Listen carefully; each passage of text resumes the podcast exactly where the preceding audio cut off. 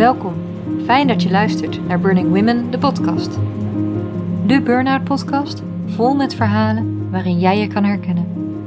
Een burn-out betekent op zijn, niet meer kunnen, leeg zijn. Burning staat ook voor stralen, vlammen, on top of your game zijn. En precies die twee aspecten vormen Burning Women. Kwetsbaar en krachtig. Ik ben Judith. En ik ben Lenneke. I'm gonna fix you. I'm gonna fix you this time. I'm gonna fix you. I'm gonna fix you this time. Ik denk wat heel veel mensen niet realiseren, wat voor impact dit heeft op je als mens en wat het daarna nog doet met je. In die zin dat je, je gaat namelijk anders in het leven staan. En je gaat anders daarna handelen. En mensen die je van heel dichtbij kennen, stellen wel eens de vraag van, jeetje, wat is hier aan de hand? Je bent in de oude. Terwijl je misschien juist wel een verbeterde versie van jezelf hebt neergezet.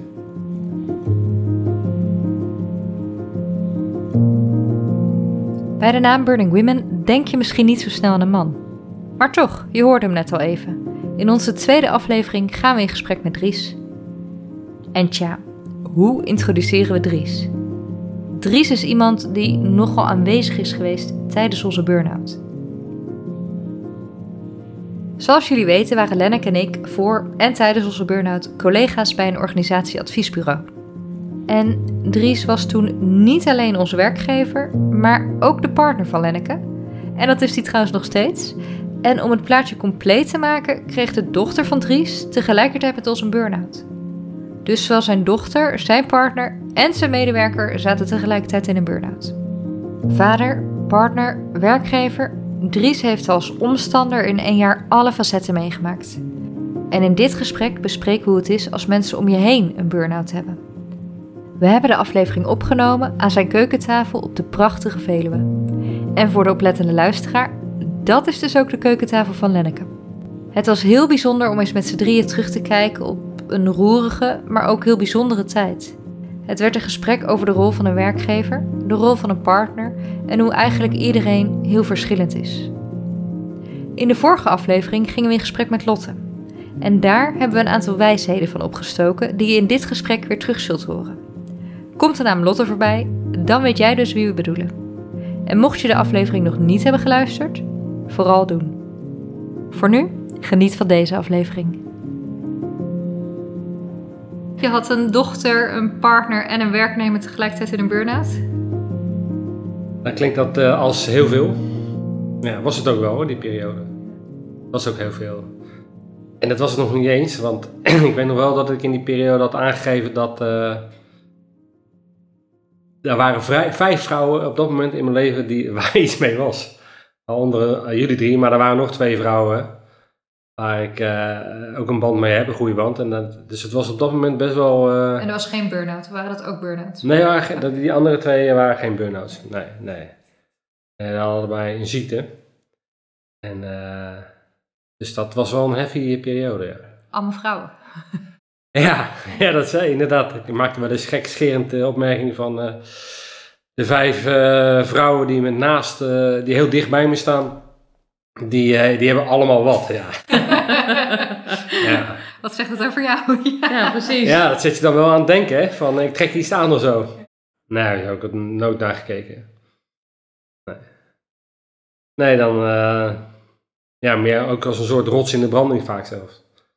Dus eh, ik heb het niet als. Ik heb het persoonlijk niet als negatief ervaren. Nee. Nee, maar het is natuurlijk wel pittig, want in, in ons werk, jij was ook mijn reïntegratiebegeleider. Dus op werk was je bezig met iemand met een burn-out. Ja, Kom je thuis, zit er een partner met een burn-out. ja, ja dat klopt. Dus dat was best wel. eh, nou, sterker nog, eh, ik denk dat de 9 van de 10 gesprekken die wij toen gevoerd hebben, was ik gewoon thuis. Is het een afgesloten periode? Het idee dat... eh, Nee, dat denk ik niet. Nee, ik denk, niet, eh, ik denk sowieso niet dat je zoiets kan afsluiten. Dus, eh, tenminste, wat ik nu merk is gewoon ook dat het te maken heeft met, ja, het is een plekje geven, daar anders mee om kunnen gaan. Ja. Maar ik denk in de dagelijkse praktijk loop je nog steeds tegen bepaalde zaken aan, waardoor je getriggerd wordt. Althans, dat zie ik. Dan denk ik af en toe, eh, Len is natuurlijk mijn partner. En als ik haar soms zie reageren, dan denk ik van, ja, dat is, eh heeft er misschien nog steeds een relatie mee. Maar merk je dan dat ze bijvoorbeeld anders reageert dan dat ze voor die burn-out deed? Oh ja, ze reageert eh, zeker anders, ja. Ja, ik zie het met name in haar gedrag naar anderen toe. Len was eh, voorheen, kon nooit nee zeggen of dacht altijd eerst aan de ander en dan pas aan zichzelf. Ja. Ja, Dries was ook echt de, de, de, e- ja, de, eigenlijk de enige die het zag dat het niet goed met me ging. En, eh, en ik schrijf daar ook hè, op, eh, op ons platform, heb ik daar ook over geschreven. eh, dat hij eh, eigenlijk, eh, ik reageerde heel fel op hem. En, en hij zei van, hè, schat, gaat het eigenlijk wel met je? Nou, en dan ga je bij jezelf eigenlijk te raden van, hé, hey, nee, het gaat eigenlijk helemaal niet. En dan stort je hele leven eigenlijk een beetje in elkaar. God, begin ik ook al. ja, en dat is best wel heel heftig als je daar met z'n, in dit geval met z'n tweeën of met een heel gezin erin zit. Dit, dit, is, dit is gewoon eh, dit is moeilijk, ja. Dus, dus hiermee, Waarom is het moeilijk? nou, omdat het dit oproept nog steeds. Wat, eh, wat, Die- is- die- die- wat roept het op? Nou, eh, herinneringen naar die emoties, naar die tijd. Ja. En hoe zwaar je het dan eigenlijk eh, hebt. Terwijl je dat op dat moment niet zo realiseert hoor, overigens. En zeker ik niet. Ik heb toen gewoon gedacht van... eh, dat heb ik al vaak in mijn leven gehad. Dat ik denk van ja, ik kan het mezelf niet permitteren. En dan ben je er gewoon voor iedereen. Of het nou je dochter is, of je werknemer, of je partner, of wie dan ook, of je vrouw. Het maakt niet uit. Op dat moment denk ik van... eh, ik moet er gewoon zijn.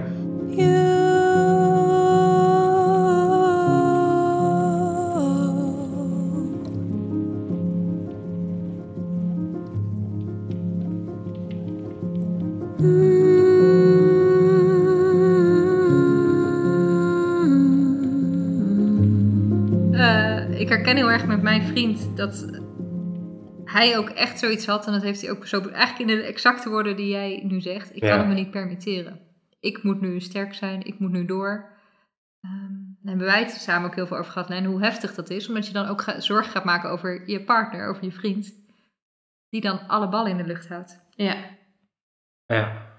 En dat heb ik bij jou ook wel eens gedacht natuurlijk, hè? eh, als werknemer. Ik was natuurlijk meer dan een werknemer, want ik kwam hier ook al gewoon over de vloer als Ja. vriendin. ja, precies.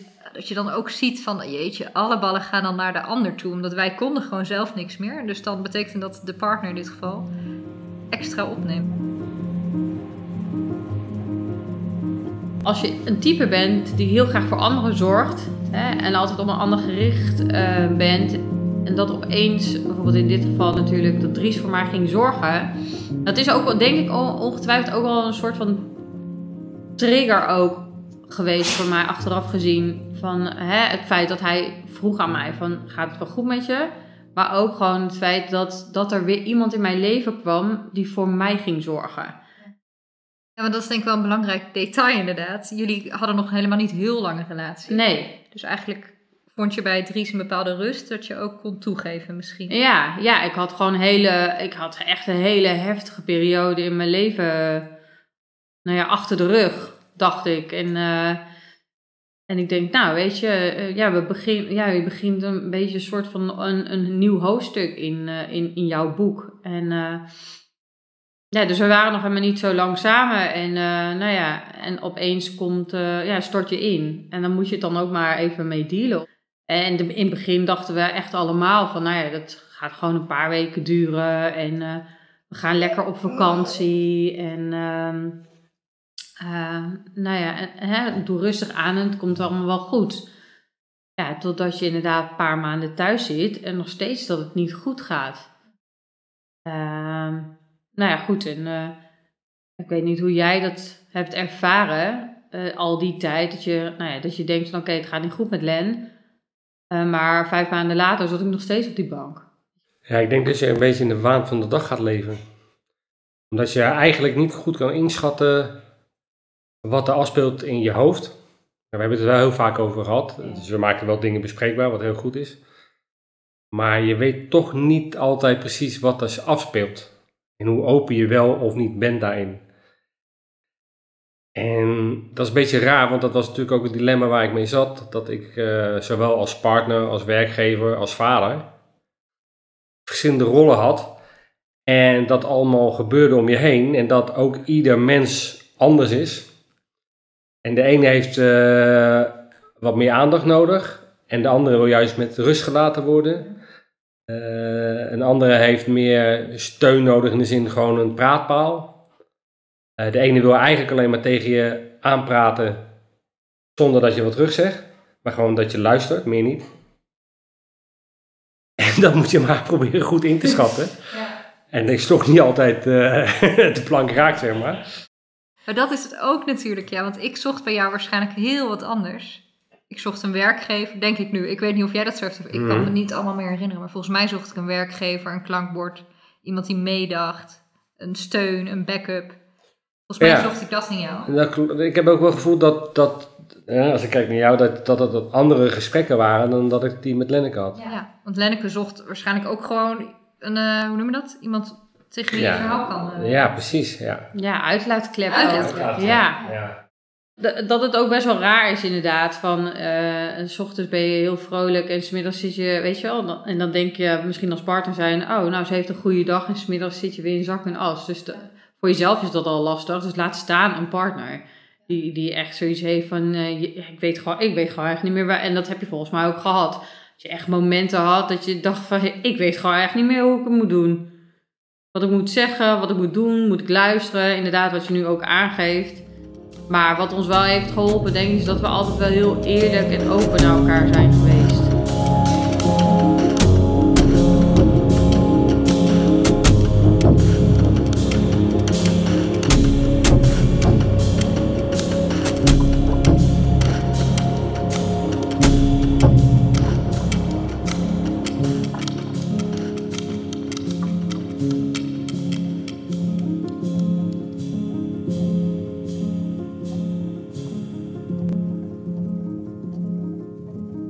Natuurlijk heeft ook te maken met de relatie, de verhoudingen die er zijn. Dus ik weet wel, bij Judith moest ik me gewoon als, ook als werkgever eh, opstellen. En eh, proberen om jou zo goed mogelijk, eh, ja, proberen in de volgende stap. En dat is best wel moeilijk, want als werkgever heb je eigenlijk ook twee petten op. Als werkgever wil je aan de ene kant wil je dat zo snel mogelijk iemand weer aan het werk is. Hè, want eh, dat is natuurlijk voor het bedrijf eh, interessant en ook goed. En aan de andere kant wil je ook zorgen dat, dat als ze terugkomt, of als ze in een proces wil je het ook niet te veel versnellen of te veel druk op uitoefenen. Want dat werkt namelijk averechts. Dat heb ik zelf namelijk wel eens een keer meegemaakt. Dat een, ik heb heel lang geleden gewerkt bij Shell en daar werd ik door de bedrijfsarts eigenlijk gestimuleerd om zo snel mogelijk weer aan het werk te gaan. Terwijl dat juist averechts Want werkte. had je een burn-out toen? Nee, ik had toen geen burn-out. Wij hadden ons eerste kindje verloren.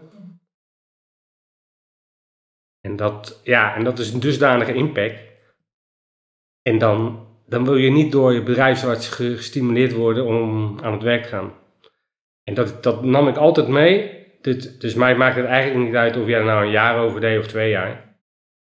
Maar ik heb ook wel eens gedacht dat, want Lenneke had natuurlijk iets eerder een burn-out dan ik, een Ja. half jaar eerder of zo. Ja. Dat het eigenlijk mij heel erg heeft geholpen. Omdat jij als partner al thuis zag wat het deed. Dus ik hoefde niet meer zoveel uit te leggen.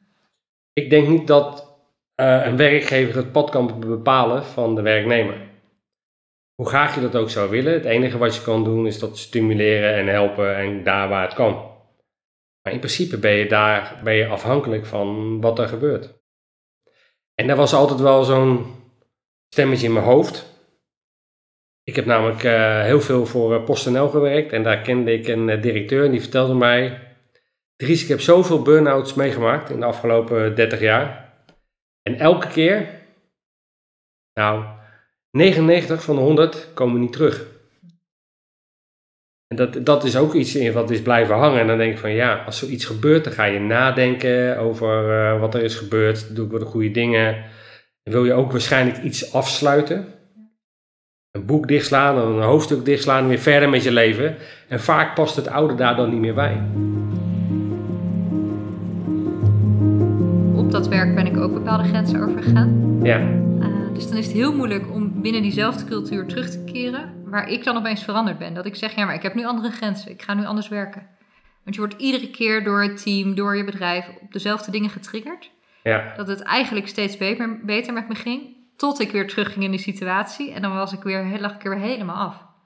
En Ja. ehm, dat is denk ik bij heel veel mensen zo met een burn-out. Dat je, je bent op dat werk te ver gegaan. Dus dan is het inderdaad heel prettig om dat af te sluiten en ergens anders met ja, schone lei te beginnen.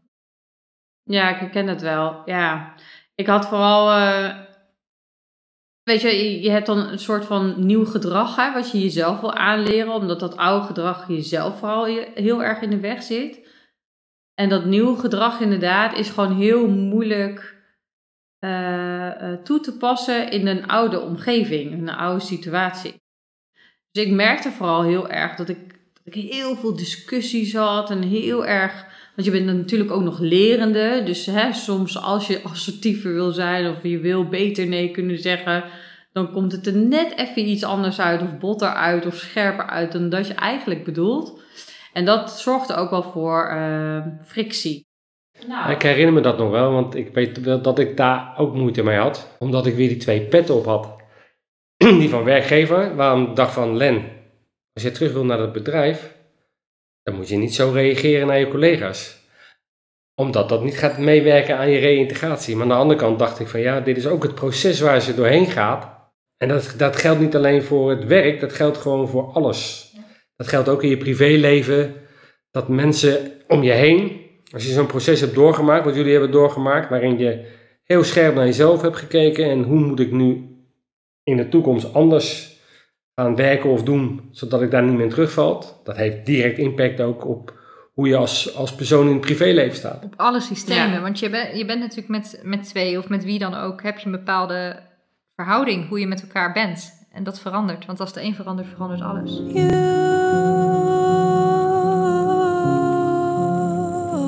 Dus ja, ik zeg wel eens gekscherend. Dat zei ik vanmiddag ook al tegen jullie. Ik gun eigenlijk iedereen een burn-out. Maar dan wel de inzichten die je daarvan krijgt. Want natuurlijk, een burn-out hebben aan zich is niet zo fijn. Dat heel veel pijn doet en heel veel verdriet. Maar de inzichten die je krijgt hierdoor in, eh, in het leven en in de manier van eh, hoe je daarnaar kijkt en hoe daarmee om te gaan. Absoluut. Ja. Het is ook grappig dat je het zegt. Want in het begin van mijn burn-out was ik heel erg bezig van wanneer ben ik weer normaal? Wanneer ben ik weer wie ik was? Wanneer kan ik weer alles? Op een gegeven moment accepteerde ik, ik ga nooit meer die persoon worden, want ik ben veranderd. Ik wil dat niet meer. Dus dat zeg je net, hè? je wordt niet meer de oude. Nu, nu denk ik ook, ik zou het nooit meer willen. Ik zou het niet meer kunnen, maar ik zou het ook niet meer willen. Wat Nee. is het grootste verschil? Ehm, überhaupt de realisatie denk ik dat ik soms rust nodig heb. Ja, het klinkt heel basaal.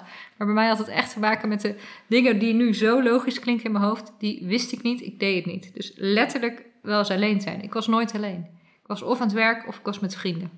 En nu bouw ik nog steeds niet genoeg misschien, maar al steeds meer tijd voor mezelf in. Tijd waarin ik dan ook echt stil ben, dus niks doe. Niet dan op mijn mobiel of Netflix of iets anders, maar gewoon stil. Ehm, en dat kan misschien vijf minuten per dag al voldoende zijn, maar even inchecken bij mijn gevoel deed ik ook nooit. Ik er gewoon door, alles was leuk, alles was blij, gelukkig. Dus gewoon die inzichten dat er allerlei gevoelskwesties in me zijn en dat ik die moet erkennen. Ik denk dat dat het belangrijkste is. Ja, Lotte zei vorige week eh, heel mooi, hè, van ik kreeg een eh, opdracht van mijn coach. Ga een half uur op de bank zitten en ga niks doen. Nou, dat deed ze en ze kon het gewoon niet. Dus ik kwam niet verder dan een minuut. Ik weet nog wel dat ik voor het werk moest ik altijd op maandag in Heerlen zijn en dan op dinsdag in, eh, hoe heet het daar, Helmond. Dus dan sliep ik daar, want dat is, ik woon in Utrecht, dus dan sliep ik altijd ergens in het zuiden. En dan kwam ik s'avonds, meestal gingen we nog door, dus dan kwam ik rond een uur of half acht in dat hotel. Was ik nog even langs de Albert Heijn geweest om een salade te halen. En dan ging ik, terwijl ik die salade op mijn bed at, ging ik doorwerken. Ging ik de notulen van die dag doen, ging ik de agenda doen. En dan werkte ik dus daar in dat bed door tot een uur of elf. Ging slapen, ging ik om zeven uur opstaan. En zo, de, ik was altijd bezig, altijd door. Dus ik denk dat dat, uh, ja, dat is een soort andere energie dan voldoening, denk ik. Ja, ik heb zelf ook wel naast. ik heb natuurlijk, omdat ik heel vaak. Net als toen ik, toen ik met vijf vrouwen om me heen uh, die situatie zat, heb ik ook wel eens een periode gehad in die, peri in die tijd dat ik dacht van wow, ik zie het zelf ook even niet meer zitten daardoor. Maar wat ik dan doe, is dat, ja, ik weet niet of dat, eh, dat is blijkbaar iets wat ik kan, is me dan afsluiten. Rust pakken of iets terugtrekken en ook gewoon bepaalde dingen niet meer doen. En dat is ook denk ik, als je kijkt naar behandelplan, dat is niet voor iedereen hetzelfde. Wat voor de ene is het rust en voor het andere is, uh, is het iets anders. Dus ik denk ook wel dat daar goed naar gekeken moet worden. Want... Ja, je ziet heel veel hè. Uh, vrouwen toch ook. Jonge vrouwen die net hun opleiding af hebben gerond, eerste baan en dan in een burn-out terechtkomen. Dat, dat is eigenlijk, als je kijkt naar de cijfers, is daar echt een enorme groep. Um, dus dan denk ik zeker dat je er als werkgever een rol in hebt, ja. Omdat die vrouwen, als ik mezelf ook als voorbeeld neem, je bent nog nooit tegen een grens aangelopen en je vindt alles leuk en je hebt ambitie. En uh, je doorziet het nog niet, denk ik. Nee, dat denk dus ik dat ook, een cultuur binnen een bedrijf is zo belangrijk. Zo belangrijk dat je gewoon met elkaar uitstraalt van hey, uh, work and play, zeg maar. Hè? Dat het niet alleen maar doorgaan is. Zou je nu bijvoorbeeld als je een nieuwe werknemer hebt, zou je het eerder zien? Merken? Zou je er anders mee omgaan? Ja, ik zou een andere bedrijfscultuur willen neerzetten. Dus, dus, dus, meer een bedrijfscultuur. Kijk, het leven bestaat uh, niet uit werken. Dat klinkt misschien heel raar. Je, je, je werkt omdat je, uh, omdat je bepaalde dingen nodig hebt om dingen te doen. En je werkt, en als je dan werkt, doe dan het werk wat bij je past en wat je leuk vindt. En dat is natuurlijk idealiter natuurlijk voor, niet voor iedereen weggelegd, want dat kan soms niet. Maar het is wel waarvan ik denk het uitgangspunt. En probeer dan ook binnen de kaders, en die is voor iedereen anders, maar dat is ook eigenlijk wat ik probeer steeds te zeggen vandaag. Dat ik denk dat iedereen anders is, hoe die zijn burn-out beleeft, hoe die erin komt of hoe die eruit komt.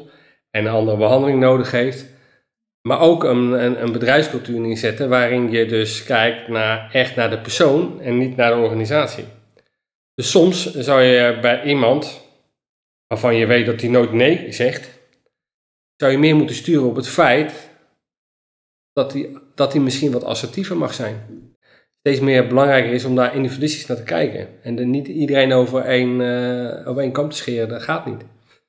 Dus meer te kijken naar de persoon uh, en naar een cultuur die daar het beste bij past. Je hebt nu natuurlijk drie keer in ieder geval heel dichtbij meegemaakt. dat er vrouwen doorheen zaten, maar ook die fase ervoor. Dus die vraag van Len vind ik wel interessant. Zou je het, nu, zou je het herkennen? Heb je het toen misschien herkend? Ik denk, ik denk wel dat... Ja, nou ja, ik, ik, ik heb bij, bij Len wel heel goed aangevoeld dat er iets niet klopte. Ja. Ja, dus dat... Uh, maar omdat je ook zo dicht bij haar stond... Kijk, want ik heb mezelf ook, ik heb natuurlijk ook bij mezelf gedacht van, uh, daar had ik ook zelf wel mee op kunnen sturen. Maar het is natuurlijk moeilijk in een relatie die uh, evenwichtig is. Maar achteraf heb ik gedacht van, een nieuw huis, een nieuwe opleiding, een nieuw, een nieuw werk, alles was nieuw. Ja, ik, ik ben altijd, ik zeg, ik zeg altijd focus, focus. en hier daar heb ik het gewoon ook laten gebeuren tussen aanhalingstekens. Maar soms kan je ook niet als partner zeggen, want dit moet je niet doen. Dan moet je het zelf ervaren. Zeker. Maar aan de andere kant heb ik achteraf wel eens van, ja, ik had daar natuurlijk wel iets van meer kan, kunnen zeggen. Zijn, wat waren dan echt de signalen die, die, die ik aangaf of die ik gaf wat er gebeurde? Wat jou, kijk, uiteindelijk is natuurlijk. Ja, moet ik wel even gaven, maar wat mij bijblijft is gelijk de, ja, klinkt misschien heel erg hard wat ik nu zeg, maar een emotioneel wrak. Dus heel snel uh, huilen, heel snel afgeleid. En niet, niet om kunnen gaan met de kinderen. Wel omgaan met maag, want dat je snel, heel snel uh, te veel was.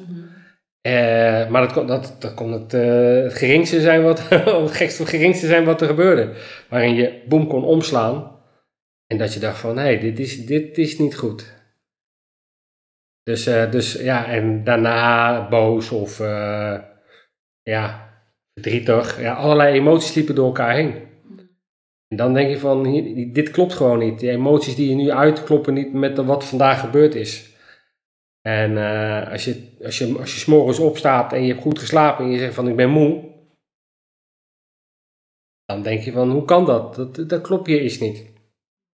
Dus dat zijn wel, uh, denk ik, de belangrijkste signalen.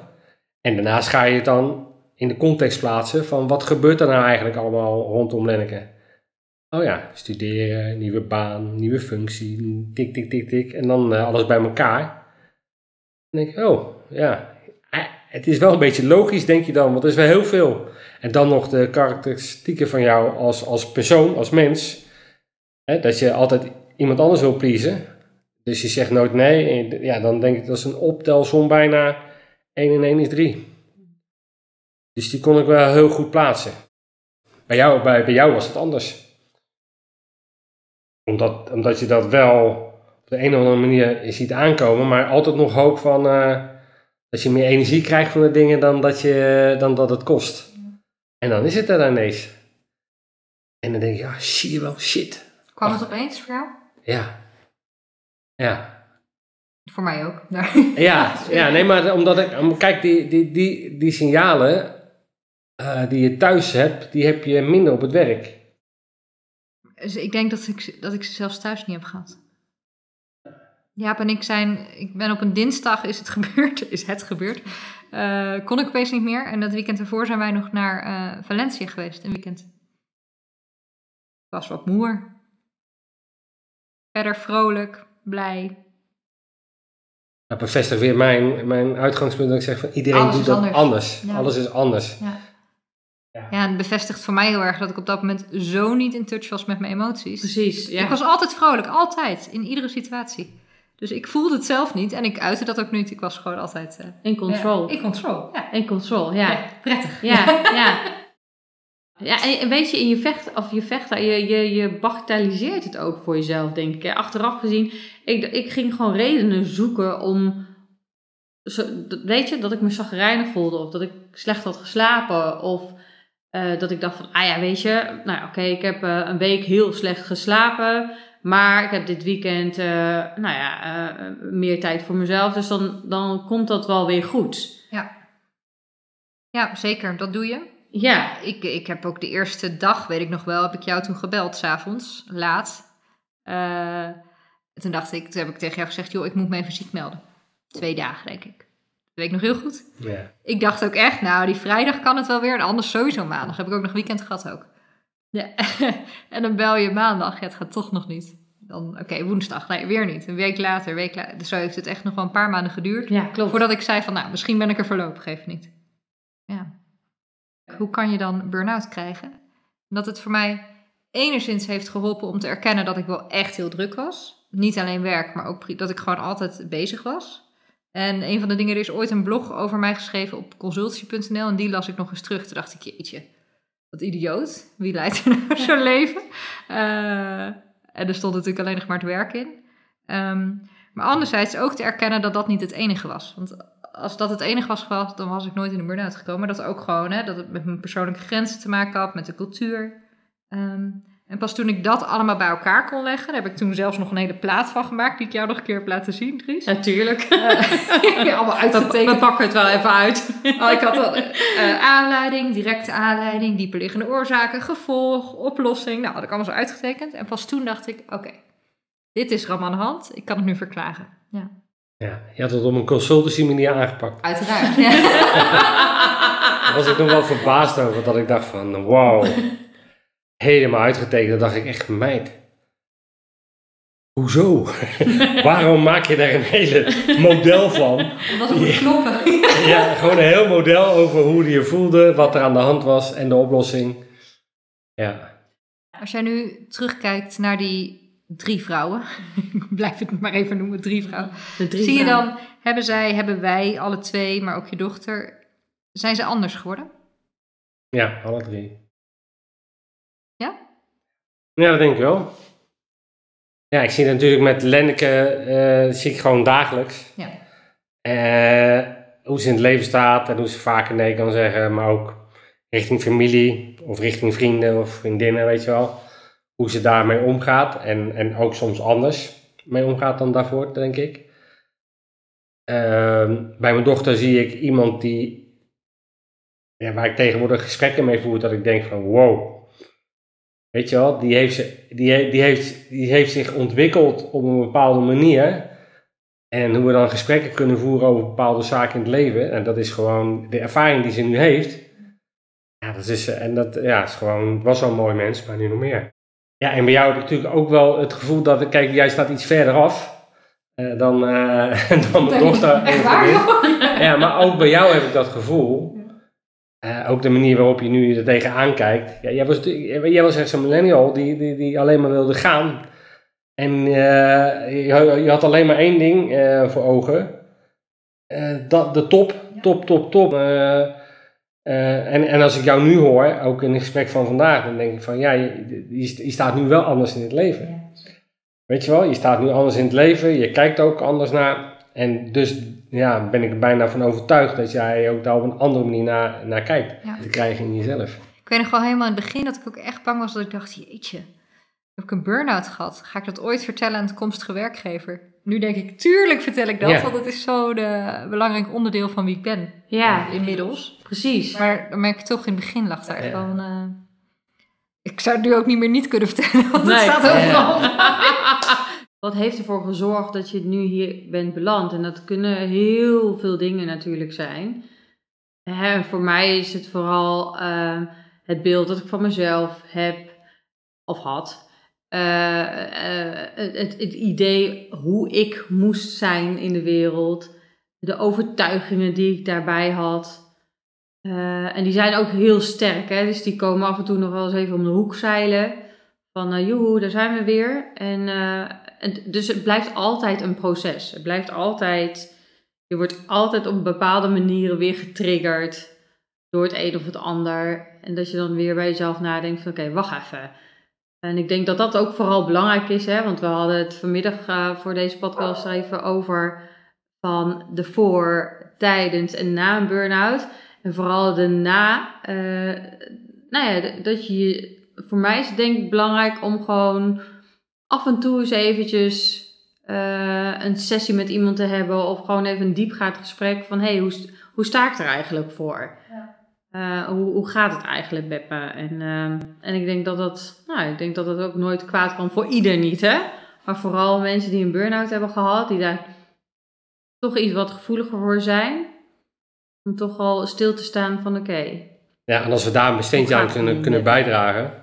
En als ja, je uh, naar ons drie kijkt, zie je bepaalde karaktereigenschappen die in alle drie hoogtij vieren. of niet, hè? Kan ook. Dat zijn nou ja, ik, ik, ik, ik, als ik kijk naar, uh, naar de Melsa en naar uh, Lenneke, dan denk ik inderdaad wel dat dat heel veel te maken heeft met een ander pleasen. Heel veel een ander pleasen eerder kiezen voor de ander dan voor jezelf. Uh, dat is volgens mij, en bij jou heb ik gewoon uh, de, ja, even de standaard millennial gezien, die echt ervoor wil gaan. En die zoveel ambitie, en, en dat wordt je, uiteindelijk wordt je dat te veel. Zo, zo heb ik jou, naar jou gekeken. Dus, ik, uh, dus ja, ik heb bij jou niet het gevoel gehad dat jij nooit voor jezelf opkwam of zo. Dus ik heb, nou, ik ben we hebben in het begin wel eens een clash gehad, hè? Dat je gewoon terecht voor jezelf opkwam. Maar dat ik dacht van, nou, ja, weet je wel. Dit? Zo'n ja. millennial eigen. We weten ja. prima wat ze willen. Ja, maar, dat, maar ja, dat, weet je, dus, dus het is ook heel moeilijk om, om tegen een millennial te zeggen van, uh, ga jij eens even wat rustig aan doen. En dan zeg jij, dat bepaal ik zelf wel. Ja. Dus dat is ook wel, uh, hè, want, dat, want dat gesprek had je net, van de werkgever zou er wat meer op kunnen drukken. Maar aan de andere kant denk ik van, ja, dat is ook mooi gezegd. maar komen wij wel binnen. Ja, maar ik denk dus ook, het ga, dit is zo'n groot probleem, de burn-out om het zo maar even te noemen. Dat gaan we niet oplossen met alleen, het kan niet alleen een werkgever oplossen of alleen de persoon zelf. Het is de hele maatschappij wat we net ook zeggen. I'm gonna fix you this time.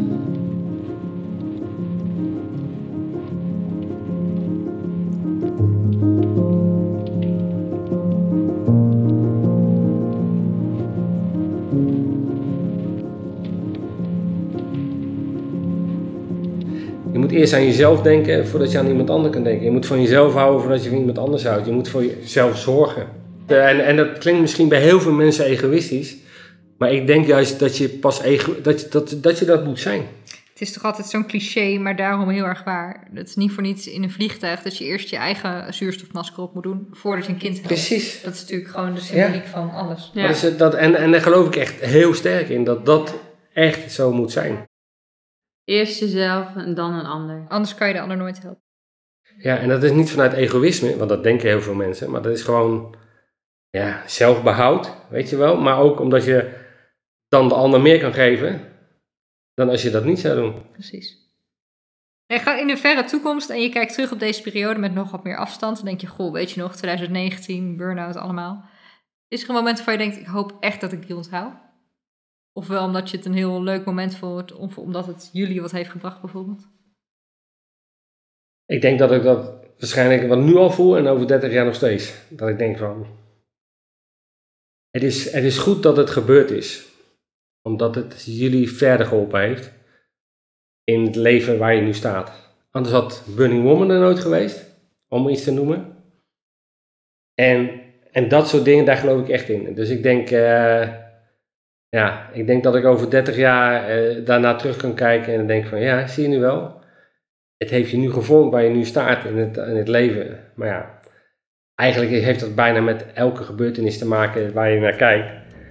Eh, of dat nou mooi is of heel slecht. Ik denk dat de hele slechte momenten, zoals een overlijden, verlies van iemand, eh, of, of een burn-out, of weet ik veel, mensen die heel erg ziek zijn geworden en weer herstellen.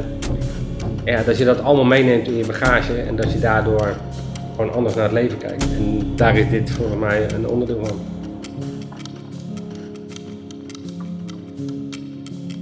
Met deze mooie woorden van Dries komt er alweer een einde aan deze aflevering.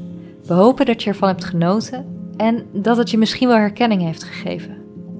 Mocht je over deze aflevering willen doorpraten, dan kan je ons bereiken via burningwomennl.gmail.com of kijk eens op onze sociale kanalen, bijvoorbeeld LinkedIn of Instagram. Het maken van een podcast is een vak apart en elke dag leren we een beetje meer. Raoul van Herpen, mijn fantastische zwager, noemt zichzelf composer, improviser, sound artist en pianist. Maar voor ons is hij een geluidsgenie en onze steun en toeverlaat. Raoul, dank je wel. Tussendoor hoorde je af en toe al het prachtige nummer Fix You van Ode to the Quiet. We spelen dit nummer nu nog één keer helemaal af. Gun jezelf dus nog even de tijd om erbij weg te dromen en je gedachten de vrije loop te laten. Veel liefs. I'm gonna fix you. I'm gonna fix you this time. I'm gonna fix you. I'm gonna fix you this time.